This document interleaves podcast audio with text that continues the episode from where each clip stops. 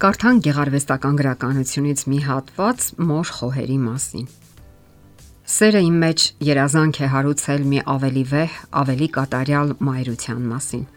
Ես իմ ցնդած անուրջների մեջ փաղաքշում էի մի երեխայի, որին իմ տենչերն էին հղացել, նախքան նրան ծնելը։ Հեշտաբույր մի ծաղիկ, որը նախքան լույս աշխարհ գալը ծնվում է հոգու մեջ։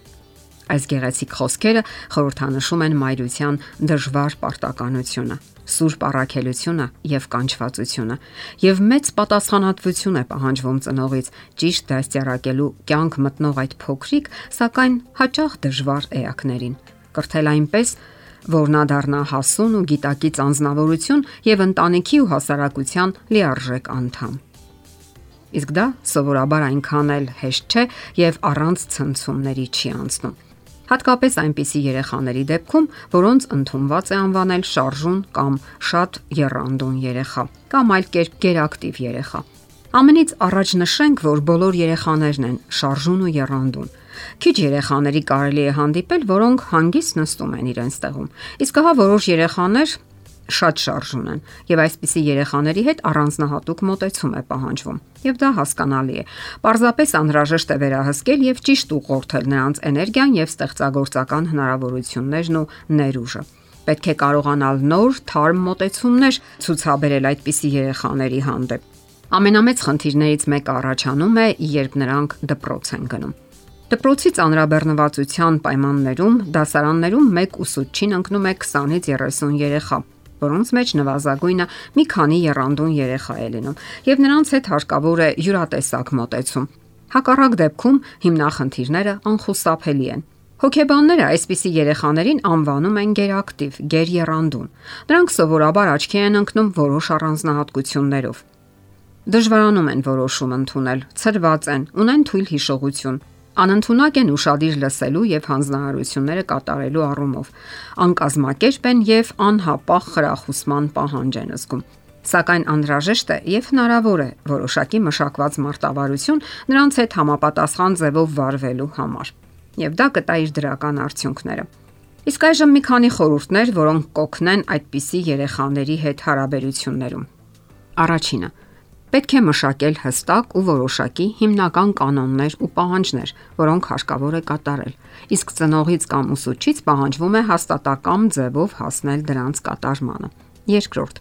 չպետք է թույլ տալ, որ երեխան չափազանց երկար տատանվի որոշում ընդունելուց առաջ։ Եթե ձեր երեխան անիմաստ կորցնում է ժամանակը եւ ոչ մի կերպ չի կարողանում որոշել, թե ինչ հակնի կամ ինչ անի առաջին հերթին, դուք ինքներդ պետք է որոշում ընդունեք։ Երորդ, Թույլ մի տվեք, որ նա մանր չնչին առիթներով վեճերի մեջ ներքաշի ձեզ։ Երեխաները ընդունակ են վերահսկել իրավիճակը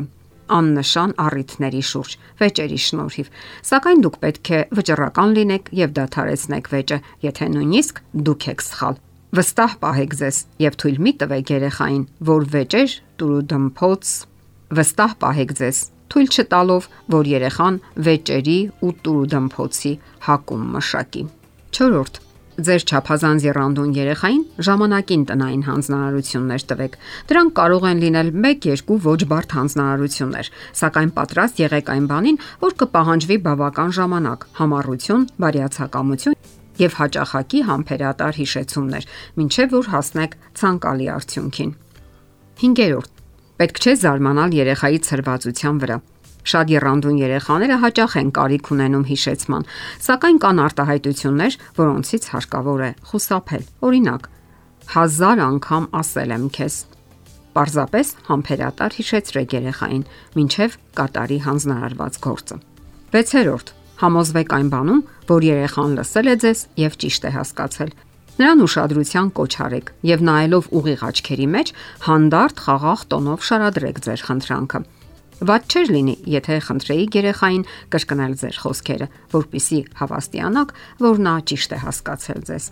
7. Եթե երեխան մտածողության եւ վարքագծի անկազմակերպվածություն է դրսևորում, դուք կարող եք խաղաղ նրան խնդրել, որ պատասխանի որոշ հարցերի. ով, ինչ, որտեղ, երբ։ Այս ձևով դուք կարող եք ստանալ ձեզ անհրաժեշտ տեղեկատվությունը։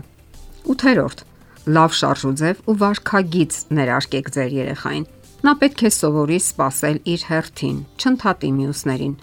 Առողջ տրամաբանությանը դիմեք։ Եթե նրա խնդրանքը հնարավոր է կատարել, բավարարեք այն։ Իսկ եթե նրա վարքագիծը դուրս է թույլատրելիության սահմաններից, կտրուկ ընդդիմացեք։ Թույլ մի տվեք երեխաներին, որ աղմկեն ու բարձր զրուցեն հասարակական վայրերում ընդդիմացեք անվայել արարքներին, եթե նույնիսկ շփոթվում եք կամ անհարմար վիճակի մեջ հայտնվում։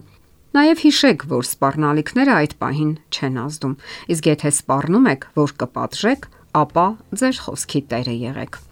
9-րդ Շրջապատողներին նախազգուշացրեք ձեր երեխայի հիմնախնդիրների մասին, հորդորելով, որ ըմբռնումով մոտենան։ Սակայն երբեք պետք չէ նվաստացնել երեխային ուրիշների ներկայությամբ։ Եվ նաև պետք չէ արդարանալ երեխայի փոխարեն։ Երեխան չպետք է զգա, որ իր վարքագծի պատճառով իրեն չեն սիրում։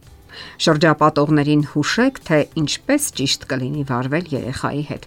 Շրջապատողներն իրենք էլ հաճախ բացահայտ անգրագետ են։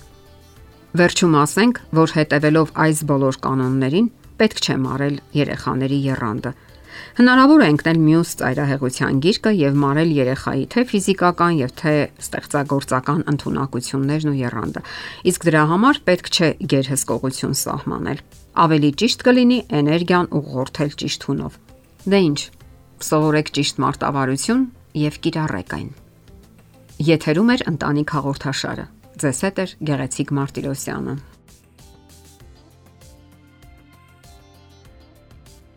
Հարցերի եւ առաջարկությունների դեպքում զանգահարեք 094 08 2093 հեռախոսահամարով։ Հետևեք մեզ hopmedia.am հասցեով։